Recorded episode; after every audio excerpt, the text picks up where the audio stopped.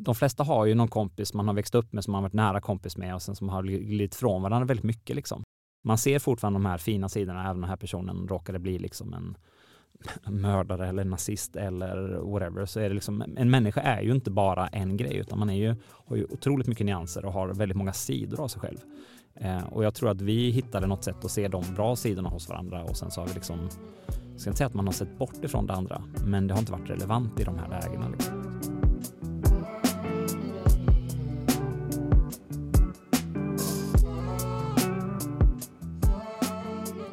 Välkommen till Malmö Darlings, en podd om en speciell stad och människorna som gör den speciell. Med mig, Miriam Olsson Jeffrey. Med mig, Jonas Gillberg. Och med mig, Sally Wallstedt.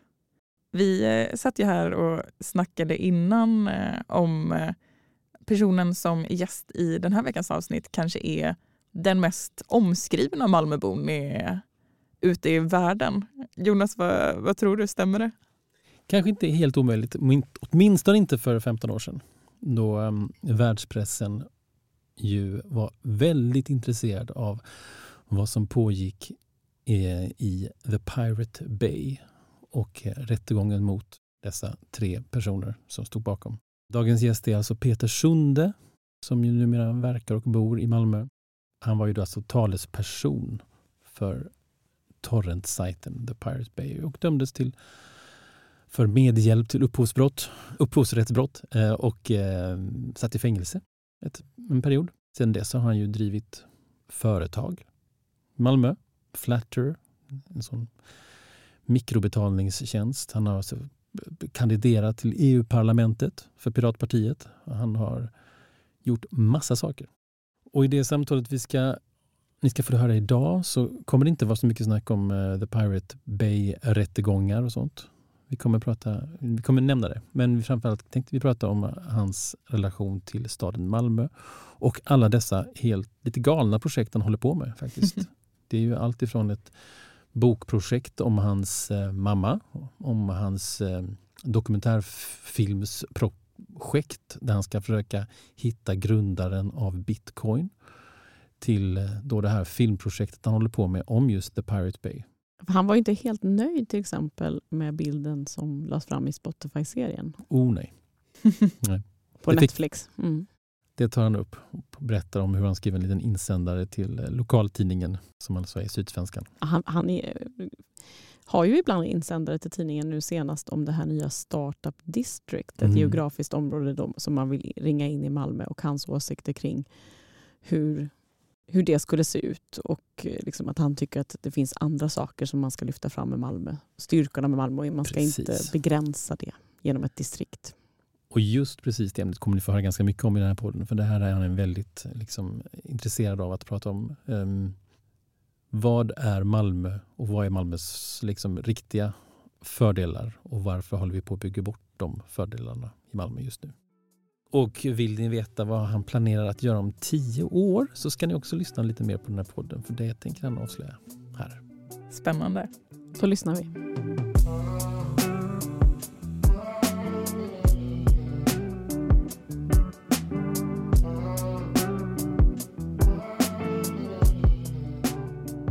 Vi säger hej till Peter Sunde. Välkommen till Malmö Darlings. Tack så mycket. Du, jag eh, gick in på stora amerikanska nyhetssajter som Wired och Techcrunch och så knapprade jag in sökorden Malmö mm. och sen så knapprade jag in sökordet Peter Sunde. Mm. Vem tror du är mest omskriven i sådana sajter? Är det staden Malmö eller är det du? Oh, den var svår. Jag tänker nästan Malmö och då tänker jag på Hampus Jakobsson. Nej, det är faktiskt du. Ja, okay. Du äh, har blivit mer omskriven i just de här sajterna. Vilket kanske inte är så konstigt med tanke på att det är tech-sajter. Och, liksom och Malmö är inte alls känt för att ha några tech-tjänster. Nej, nu, jag ska inte vara sån. Nej, absolut. Nej, det är ju lite spännande. Ja. Det, det, är ju, eh, jag vet inte om det är bra av mig eller dåligt av Malmö. Ja, men precis. Men du, det, jag tänker så här, det är ju onekligen så att du fick ett stort internationellt genomslag för, vi säger, vi säger 15 år sedan. Mm. Hur märker du idag av det? Alltså det är så svårt att säga. Alltså det har ju, jag gör ju väldigt många teknikprojekt och eh, där har jag ju en, liksom, en skara av människor som gillar vad jag gör och vet vad jag har gjort väldigt länge och har liksom en ska man säga, stabil stabilt förtroende. Så där märker jag det ganska mycket. Mm. Eh, I vardagen är det väl inte så jättemycket så där man märker det. det är väl, ja, ibland när man går på någonting kommer någon fram och säger tack för något eller vill prata om någonting och sådär. Ja, nej, jag, det är vardag så jag, jag tänker inte så mycket på det. Nej. Och jag tänker att i den här podden ska vi inte avhandla hela den historien om The, the Pirate Bay, men vi kommer komma in på det på ett naturligt sätt senare. Mm. Men den 31 maj 2014 Mm. så grips du av polis. Och Mm. sen får du liksom sitta i fängelse för upphovsrättsbrott. Vad, blev Medhjälp det till, slut? medhjälp till. till. Just det, viktigt. Ja, väldigt viktigt. Ja. Det, är en, en familjegrej. Vad blev det till slut? Det blev runt sex månader? Eller? Eh, ja. Eh, och eh, nu ska jag inte vara en podd som fokuserar på den, men jag tänker att det är väldigt få människor som har suttit i fängelse.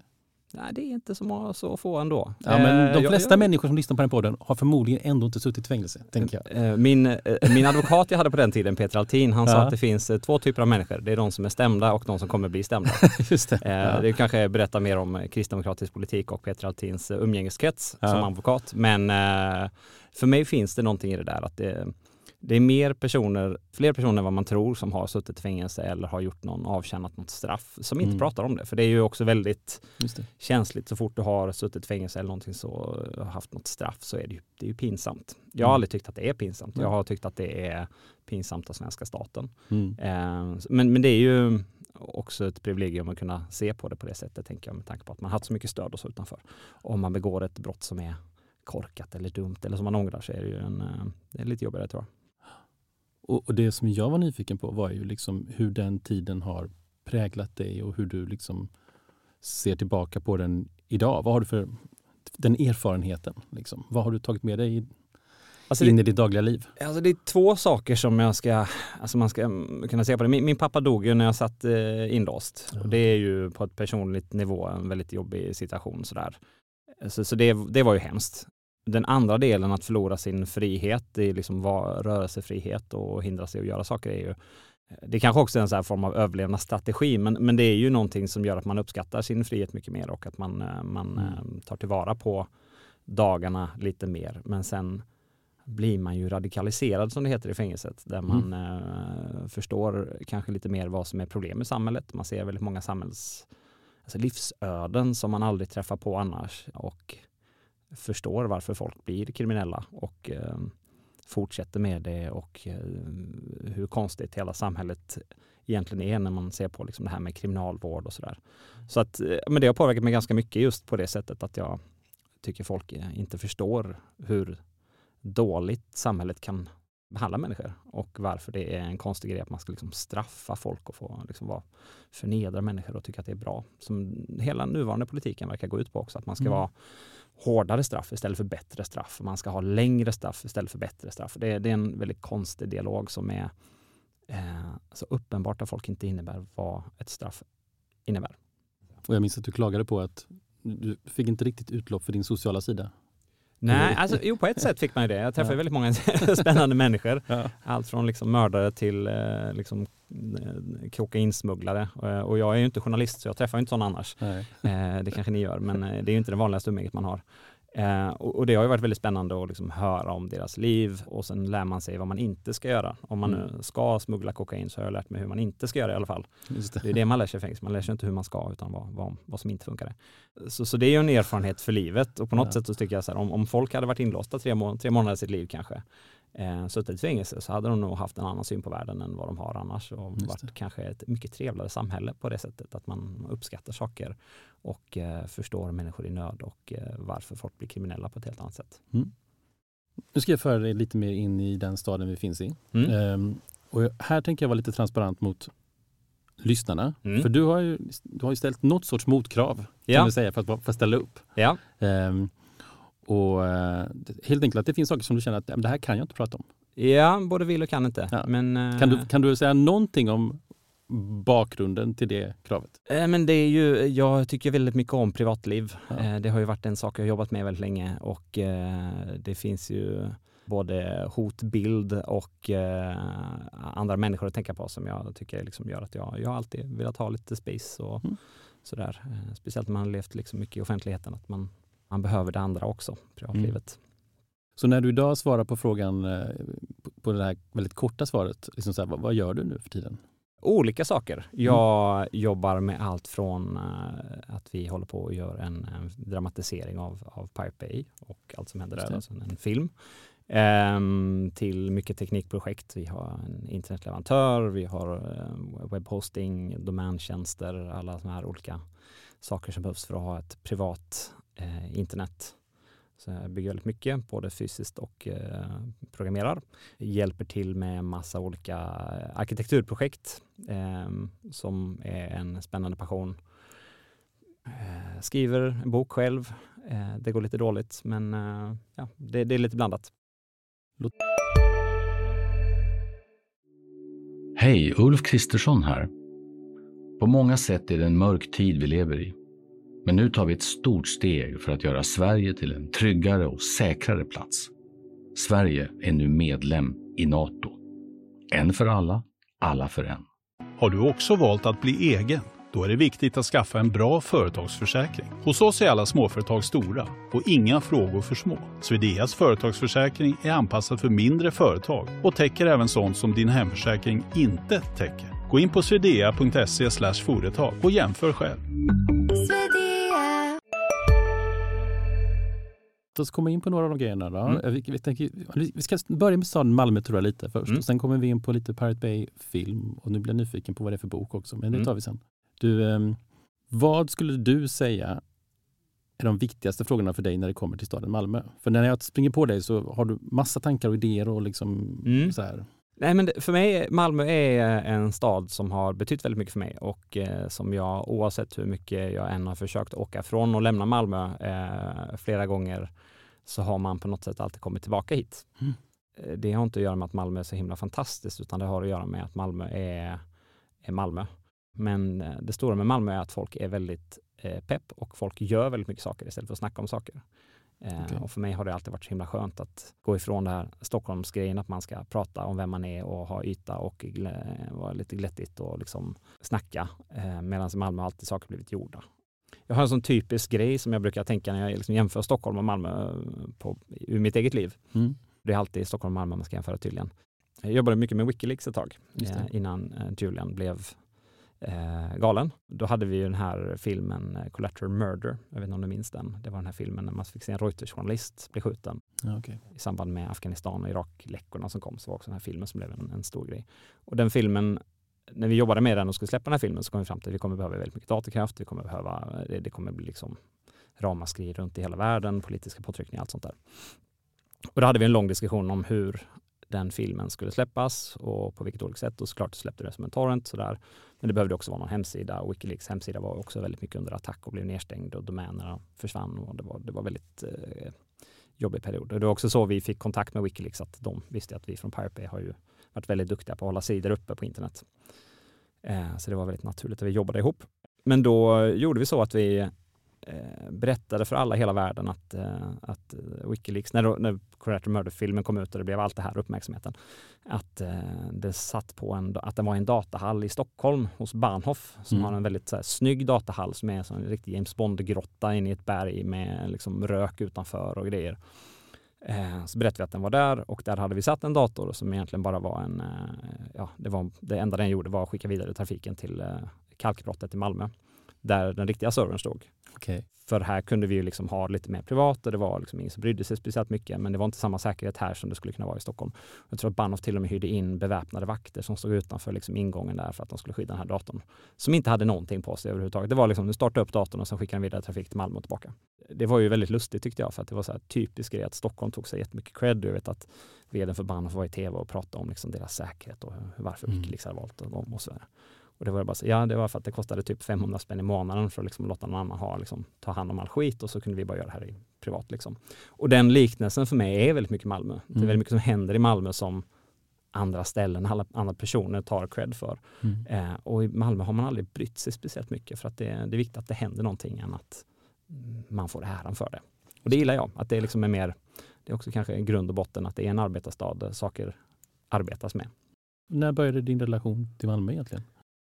Det kan vara två, början på 2000-talet någon gång. Okay. Ehm, jag flyttade ju från Sverige till till Norge. Jag är ju halvnorsk och tänkte att jag skulle som vuxen flytta hem Mm. eh, och jobba i Norge. Och det, det jag märkte var när jag bodde i Norge att jag, jag pratade ju norska och umgicks med norska vänner och de pratade väldigt mycket skit om svenskar och andra. Sådär. Och sen när jag umgicks med svenskar så pratade de väldigt mycket om, om livet. Eh, och efter ett par år så eh, träffade jag också en tjej från Sverige men, och kände att jag ville hellre bo i Sverige än i Norge. Och då tittade jag vart jag ville bo och då var det ju liksom Malmö som kändes som en, eh, en stad som passade mig ganska mycket. Och det här är ju typiska Malmö-grejen då, att jag, jag åkte till Malmö, var här ett par dagar, träffade vänner och eh, skulle kolla på lägenhet på Möllan och det var ju en skottlossning den dagen. Mhm. Eh, och det har ju alltid varit en sån grej att när man har berättat för folk att man någonstans är, när man är från Malmö så pratar man, oh det är så mycket kriminalitet. Och så sitter man där bara, man vill försvara Malmö och sen samtidigt så här, första gången i Malmö så är det någon som blir skjuten. Mm. Eh, titt som tätt är det någon som blir skjuten. Det är en konstig stad som har får jävligt mycket skit som eh, ibland är förtjänt men eh, oftast inte. Mm. Och jag upplever det som att när vi pratar ibland att eh, ditt engagemang för staden egentligen växer hela tiden på något sätt. Stämmer Mm, det det eller är, är det någon sorts... Ja men det, det gör det nog. Ehm, jag har ju brytt mig massa om liksom och, eh, jag har ju familjer också så det, det gör ju Mm. eh, saken, saken lättare tänkte jag säga. Nej men jag känner väl liksom sådär att eh, som sagt oavsett vart jag åkt i världen så har jag alltid kommit tillbaka till Malmö och eh, det är någonting fantastiskt här. Det är ingen vacker stad. Ehm, eh, det, det är liksom så mycket som är konstigt men det är innehållet, det är inte så mycket ytan blir upprörd ibland när man liksom, ja, som sagt jag börjar bry mig väldigt mycket om liksom arkitektur och, och liksom, eh, ställen folk ska kunna vara på och, och sådär. Och eh, för mig har det blivit en sån liten tråkig grej att Malmö har liksom en fokus på att man ska göra saker som är för arbete och man ska göra nya fina lägenheter och hus och sådär. Och sen tar man inte tillvara på det som faktiskt Malmö som jag som utifrån har kommit och sett liksom, det här är det som, som har dratt folk till Malmö, Mm. det drog mig till Malmö, det vill man liksom bygga bort. Och då blir jag lite arg för jag tycker det är någonting unikt som man borde ta tillvara på istället. Var lite mer specifikt då, för de som inte fattar vad du pratar om nu. Vad är det som har gjort Malmö? Det unika är ju just det att det är, Malmö är lite slitet, Malmö är lite smutsigt, lite trasigt och det gör att folk får plats som inte får plats annars. Mm. Jag gillar ju att det är eh, fler personer med utländsk bakgrund i, i Malmö än, än, än inte. Mm. Eh, och, sen två, tre generationer tillbaka. Det gör ju att Malmö blir fantastiskt, har varit så jättelänge. Och om du nu ska sluta liksom pussa staden och så säga vad vill du att det ska bli bättre då? Jag menar, du har ju haft ett politiskt engagemang i olika partier genom åren. Sådär. eh, Rycker aldrig någonsin, in- någonsin in lokalpolitiker-tarmen då, när man har massa tankar om en stad? Nej, men det problemet med lokalpolitiken är att lokalpolitiken försvinner mer och mer generellt. Eh, den blir mer och mer toppstyrd. Eh, om det är liksom Europaparlament eller regering eller liksom begränsande med hur mycket pengar kommuner får och man ska hela tiden skära ner. Så, så den lokalpolitiken eh, är ju väldigt som sagt, den är väldigt begränsad, men det som är problemet med Malmö är ju eh, klasskillnader. Mm. Det är mycket fattiga människor ehm, det, det, som man på något sätt eh, hatar på istället för att liksom hjälpa och, och ta bort kriminalitet, ta bort eh, behov av kriminalitet. Så, så ska man straffa människor och liksom göra det ännu värre för de här människorna. Den tonen är ju någonting som är hemsk. Och sen har man också allt det här att man, man bygger en stad för övre medelklassen från politiskt håll. Man bygger inte en stad för att ha liksom, eh, nya miljonprojekt så att många människor kan ha liksom, ett drägligt boende.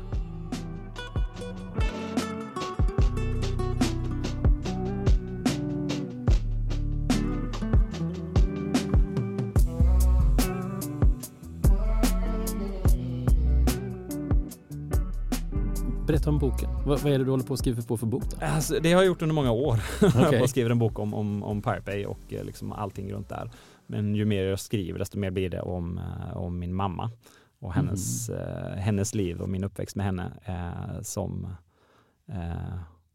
mamma dog för några år sedan och jag ser tillbaka väldigt mycket på, på tiden med mamma och inser hur eh, konstig barndom jag haft. Det är så.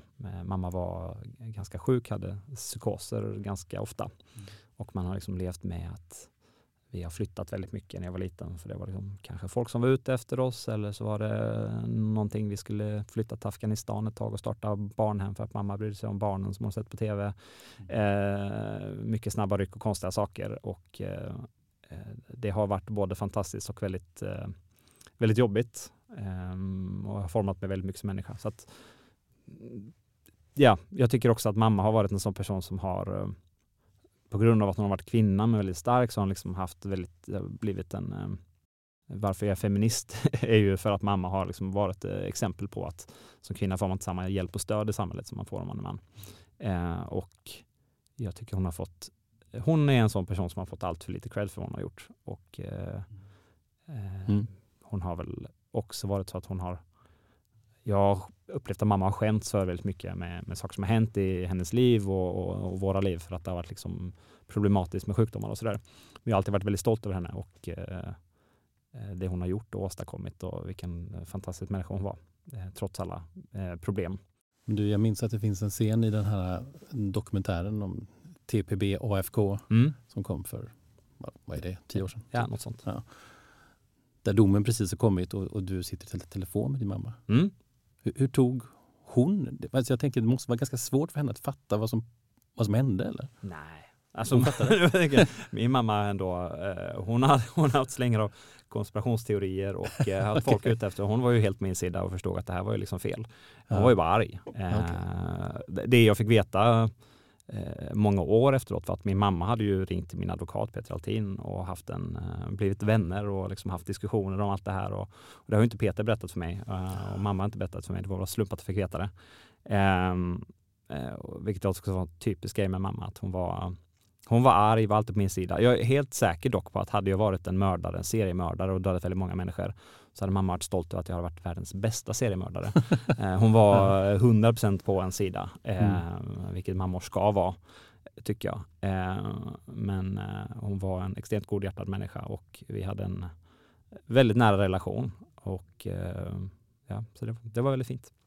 Ska vi ta oss in i den historien då, som mm. handlar om det som då är en film nu. Mm. Eller ska bli en film snarare. Mm. För jag, jag, har varit lite förvirrad stundtals för det kom ju något eh, november 21. Mm. Så offentliggjordes det att Pirate Bay-historien skulle bli tv-serie. Mm. Och då var det liksom eh, med manus av Piotr Marciniak och regi av Jens Sjögren. Mm. Ur ett Malmöperspektiv kan man förklara det för vissa människor som att Piotr har varit Malmöredaktör på Nöjesguiden i Malmö. Nej, det visste jag inte. Men Nej, ja, ja. så är det. Mm. Och Jens Sjögren har gjort filmen om Zlatan. Zlatan. Ja. Um, men i början, som jag har förstått det, så i början av den här processen så är du med i någonting. Um, Eller? För, det här är väldigt konstigt. För att jag, för länge sedan så pratade jag med Piotr om att eventuellt göra någon form av serie om, om Bay. Eh, och sen så pratade jag lite med en producent och sen så blev det inget. Utan okay. vi, vi hade liksom eh, väldigt få samtal. Men eh, Piotr verkar, han verkar vara en väldigt trevlig kille. Eh, och verkligen brinna för det. Så att jag fick ett bra intryck av honom. Men eh, resten runt omkring var inte, gick inte lika bra ihop. Så då eh, la vi ner det. Eh, vi slutade prata helt enkelt. Eh, mm. Och sen så har jag senare hamnat i och var involverad i en, ett filmprojekt kring Pirate Bay. Mm. Via... Som startade hur? nej men jag, jag har en, en, en bekant som, eh, som är manusförfattare och eh, eh, som har, jag har hjälpt till lite med tekniska saker kring hans manus. Han har skrivit en film om, om Darknet och sådär. Så mm. har vi haft kontakt gällande just den här teknik kring Darknet och hur man blandar in på internet och vad som är trovärdigt och inte trovärdigt och sådär. Så, så. så vi har pratat en hel del och tekniskt och jag tycker om att skriva. Jag skriver en del också. Sådär. Um, jag har även skrivit en tv-serie själv, men det är ännu ett projekt som jag inte kommer att ha tid att göra. Uh, men, är det den här svenska versionen av Silicon Valley? Precis, precis. Uh, Entreprenörerna. Gång. Precis, Just det. du minns mm, den. Mm. Um, men i alla fall så, så nämnde jag till honom att jag, jag tycker det börjar bli dags att vi ska göra liksom en, en, en Pirate Bay-film. Det börjar bli liksom, tiden är inne. Eh, både för att det, det börjar bli ett tag sedan. Jag tycker inte att historien blev så bra berättad i dokumentären. Eh, den blev väldigt fokuserad kring en rättegång istället för att fokusera kring fenomenet eller liksom allt som hände runt omkring och varför det hände och allt sånt där. Utan det, det blir liksom en eh, god mot ond David Goliat dokumentär. Har inga problem att liksom erkänna mina, mina egna brister och liksom prata om saker som jag eh, inte kanske alltid tycker är det bästa jag gjort. Eh, sådär. Jag tycker också det är viktigt att få med det så att det blir mänskliga porträtt. Mm. Eh, och ehm, det är väl det jag hoppas att filmen blir till slut. En, en, lite mer nyanserad sak även om det är såklart, jag är ju delaktig som avsändare så det får ju folk tolka hur de vill. Kan du säga någonting om processen i detta? Då? Var, var är ni just nu? Eh, men jag tror inte jag kan prata om Nej. det faktiskt. Um, Och du kan inte säga heller vilka mer som är inblandade? Eller? Jag vet inte om jag ska göra det. jag, har inte, jag har inte pratat med dem om, om, vi, om hur offentligt det är. Nej. Så jag, jag får nog återkomma. Men, eh, Men den som ska spela Peter Sunde ska såklart ha en porrfilmsmustasch och Nej, jag. Skarsgårds bror och något sånt där. eh, nej, alltså det är ju Detta är alltså en koppling tillbaka till, eh, Till- till en annan- precis. Nej, men jag, det var ju väldigt konstigt. Walter Skarsgård spelade med i den här tv-serien på, Mm. om Spotify på Netflix och hade en jättestor mustasch som jag skrev en eh, jag skrev en arg insändare till, till lokaltidningen här eh, och eh, kommenterade att jag tyckte att det var väldigt irriterande med den här porrmustaschen. Mm. som han hade. Jag, jag ogillar ansiktsbehåring. så det var väldigt konstigt att, bli, att få en stor fet 70-talsmustasch. Men du, eh, finns det någonting i berättelsen som du vill berätta som du tror skulle överraska?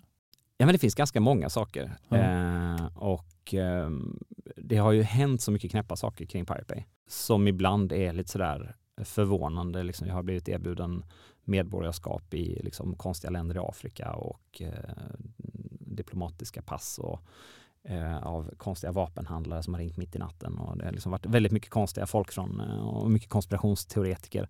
Eh, det är också därför jag liksom gillar mitt privatliv för att det har varit väldigt mycket konstiga folk, både på grund av Pirate men också på grund av Wikileaks som liksom Mm. hör av sig och vill ha kontakt och ska berätta saker och är lite påstridiga.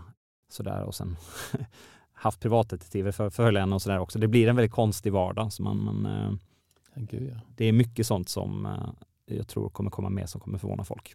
Och du hade ju alltså, i den här trion som dömdes, Mm. eller ni var, ja. men de andra två personerna, Gottfrid Svartholm Varg och Fredrik Ney, Mm. eh, har de någonsin visat något intresse för att berätta sin del av när, när det kommer till sådana här projekt? Det tror jag inte. Ehm, vad jag har förstått så har ehm, eh, när jag pratade med, med Jens Sjögren eh, om detta så förstod jag det som att de har haft kontakt med Gottfrid som hade bett dem dra åt helvete eh, och att de inte har fått tag på Fredrik. Och det låter ju ungefär som det låter det in character. Det låter väldigt in character. eh, och det är, även om jag inte, vi tre har ingen bra relation. ehm, har, den har varit ansträngd sedan dag ett men har blivit eh, sämre med, eh, med politiska åldern. Ehm, och eh, jag tycker ändå att det kanske är bra att de inte gör någonting. Men har ni haft ens kontakt de senaste tio åren? Ja, men jag och Gottfrid pratade väl för några år sedan, så där lite sa typ hej lite grann och så drog han något Ayn Rand-skämt och sen så drog jag något, något eh, marxistiskt skämt tillbaka kanske eller något för att liksom så här ytterligheter. Men eh, vi, alltså vi har alltid haft en sån intellektuell respekt för varandra och att vi har haft liksom extremt olika politiska åsikter. Mm. Så det har varit på något sätt välfungerande trasig relation. Eh, Medan du och Fredrik kanske Eh, står nej, mycket det- längre från varandra? Alltså jag tror att Gottfrid är nog mer extrem politiskt än vad Fredrik är, eh, skulle jag säga. Men Mm. jag och Fredrik har haft det mycket svårare också för att han har inte kanske samma människosyn som jag har.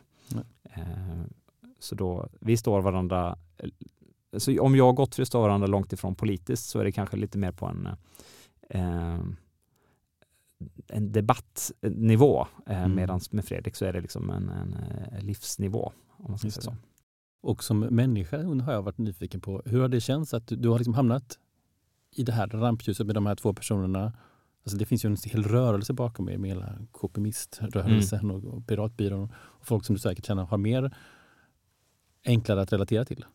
Men det har varit ni tre som har varit de som har eh, fått fronta alltihopa Mm. och samtidigt har ni haft, kanske känns det som, lite svårt att dra, att, att Funka växeldra, att funka ihop. Ja, nej men på, på, det är också, de har ju fått stå, eh, jag fick ju mycket mer rampljus än vad de fick eh, Mm. till slut och det har ju varit kanske jobbigt för dem för att eh, de är ju då två och jag bara en så att de är ju man, de majoritet i gänget om man säger så.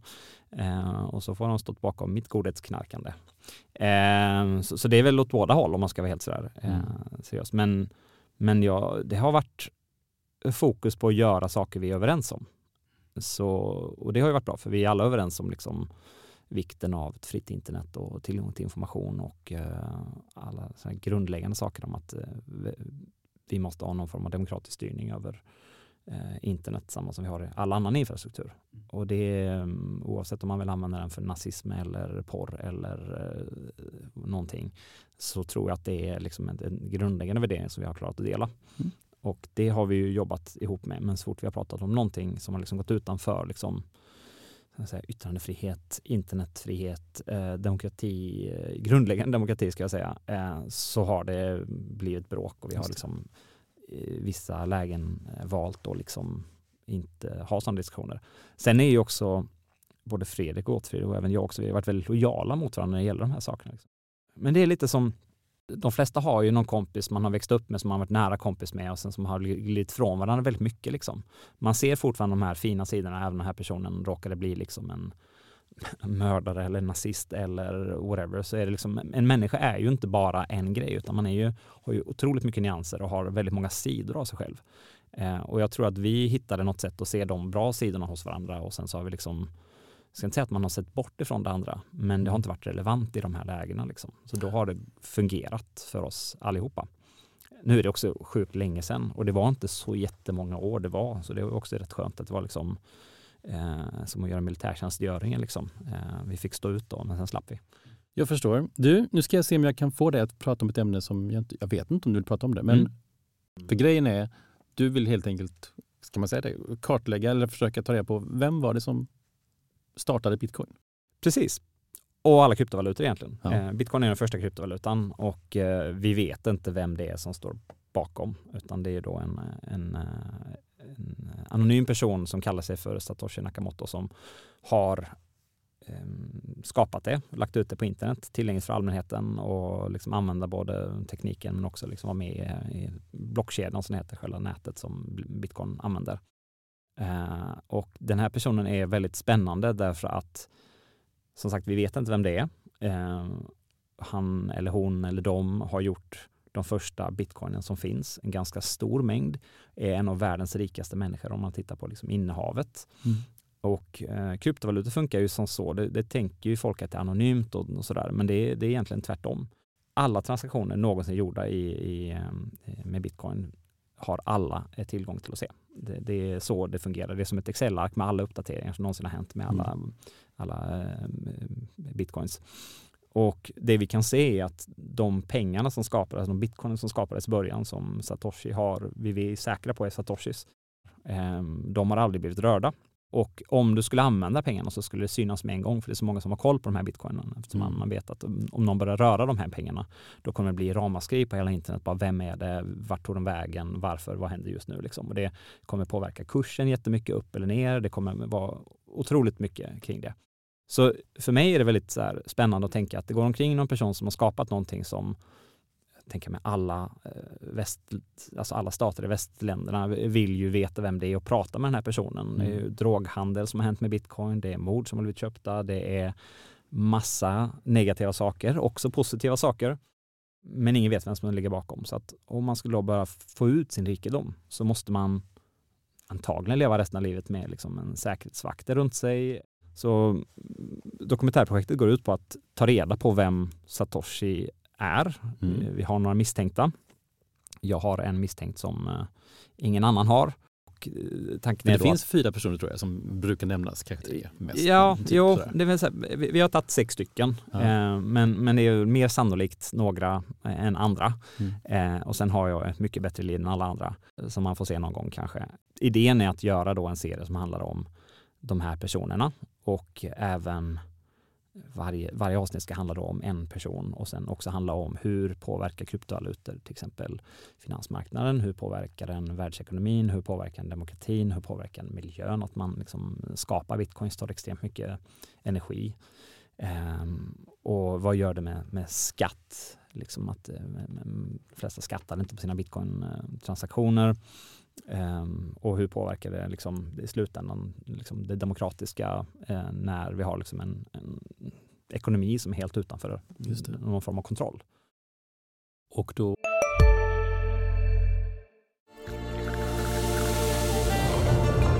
Välkommen till Maccafé på utvalda McDonalds restauranger med Baristakaffe till rimligt pris.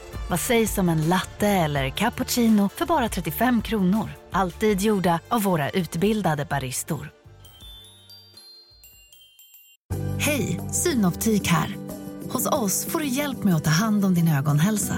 Med vår synundersökning kan vi upptäcka både synförändringar och tecken på vanliga ögonsjukdomar. Boka tid på synoptik.se. Och ska du få den sista frågan. Mm. Om du eh, visualiserar tio år framåt i tiden, vem, vem är Peter Sunde då och vad gör han? Eh, alltså jag har ju en plan att jag ska gå i pension vid 50. Eh, jag, jag fyller 50 en onsdag, så jag brukar alltid säga till alla att jag, jag kommer gå i pension på fredagen när jag är 49.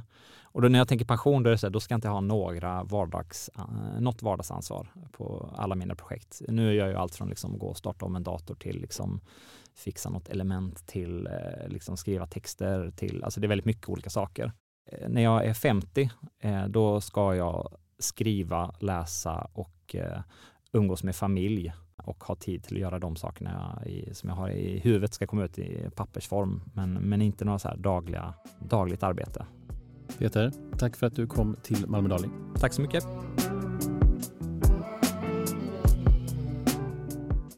Du har lyssnat på Malmö Darlings med Peter Sunde. Vi släpper nya avsnitt varannan vecka och de andra veckorna kan du lyssna på vår systerpodd Gräv bort Skåne. Podden är klippt av Joni Ingvarsson och Sally Wahlstedt. Ansvarig utgivare är Jonas Kanje. Tack för idag.